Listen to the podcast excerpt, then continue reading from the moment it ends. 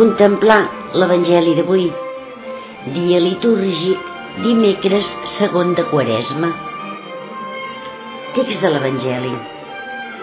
En aquell temps, mentre Jesús pujava a Jerusalem, va prendre a part els dotze deixebles i pel camí els digué Ara pugem a Jerusalem i el fill de l'home serà entregat als grans sacerdots i als mestres de la llei que el condemnaran a mort el posaran en mans dels pagans perquè l'escarneixin, l'assotin i el crucifiquin. Però el tercer dia ressuscitarà. Llavors, la mare dels fills de Zebedeu va anar amb els seus fills a trobar Jesús i es prosternà per fer-li una petició. Jesús li preguntà, què demanes? Ella li respongué, mana que aquests dos fills meus siguin en el teu regne l'un a la teva dreta i l'altre a la teva esquerra. Jesús contestà, no sabeu què demaneu, podeu veure la copa que jo he de veure? Ells hi responen, sí que podem. Jesús els diu, prou que veureu la meva copa, però seure a la meva dreta o a la meva esquerra no sóc jo qui ho ha de concedir, i seuran aquells per a qui el meu pare ho ha preparat quan els altres deu ho sentiren, es van indignar contra els dos germans. Jesús els cridà i els digué, ja sabeu que els governants de les nacions les dominen com si en fossin amos i que els grans personatges les mantenen sota el seu poder. Però entre vosaltres no ha de ser pas així.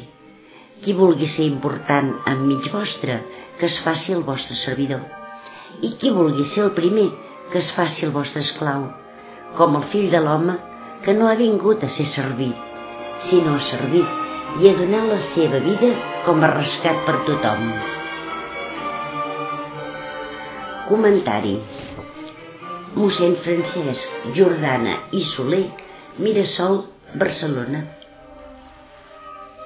Qui vulgui ser important enmig vostre, que es faci el vostre servidor.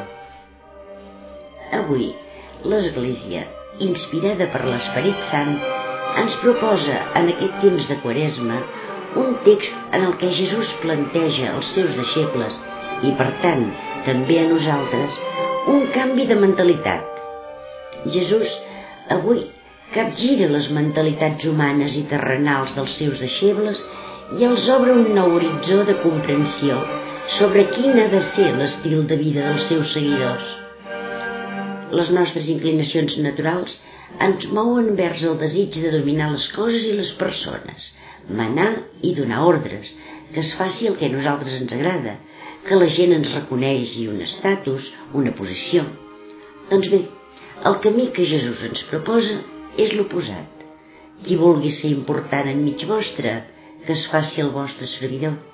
I qui vulgui ser el primer, que es faci el vostre esclau.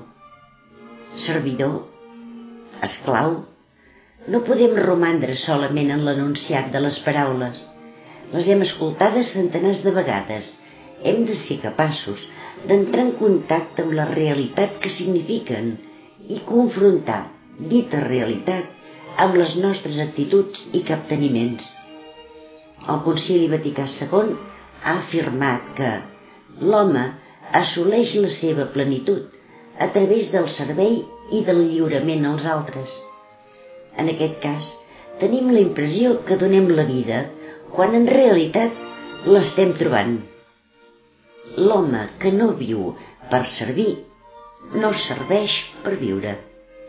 I en aquesta actitud, el nostre model és el mateix Crist, l'home plenament home, ja que el fill de l'home no ha vingut a ser servit, sinó a servir i a donar la seva vida com a rescat per tothom. Esdevenir servidor, esclau, tal com ens ho demana Jesús, és quelcom impossible per nosaltres. Resta fora de l'abast de la nostra pobra voluntat. Hem d'implorar, esperar i desitjar intensament que se'ns concedeixin aquests dons. La quaresma i les seves pràctiques quaresmals dijuni, almoina i oració, ens recorda que per rebre aquests dons ens hi hem de disposar adequadament.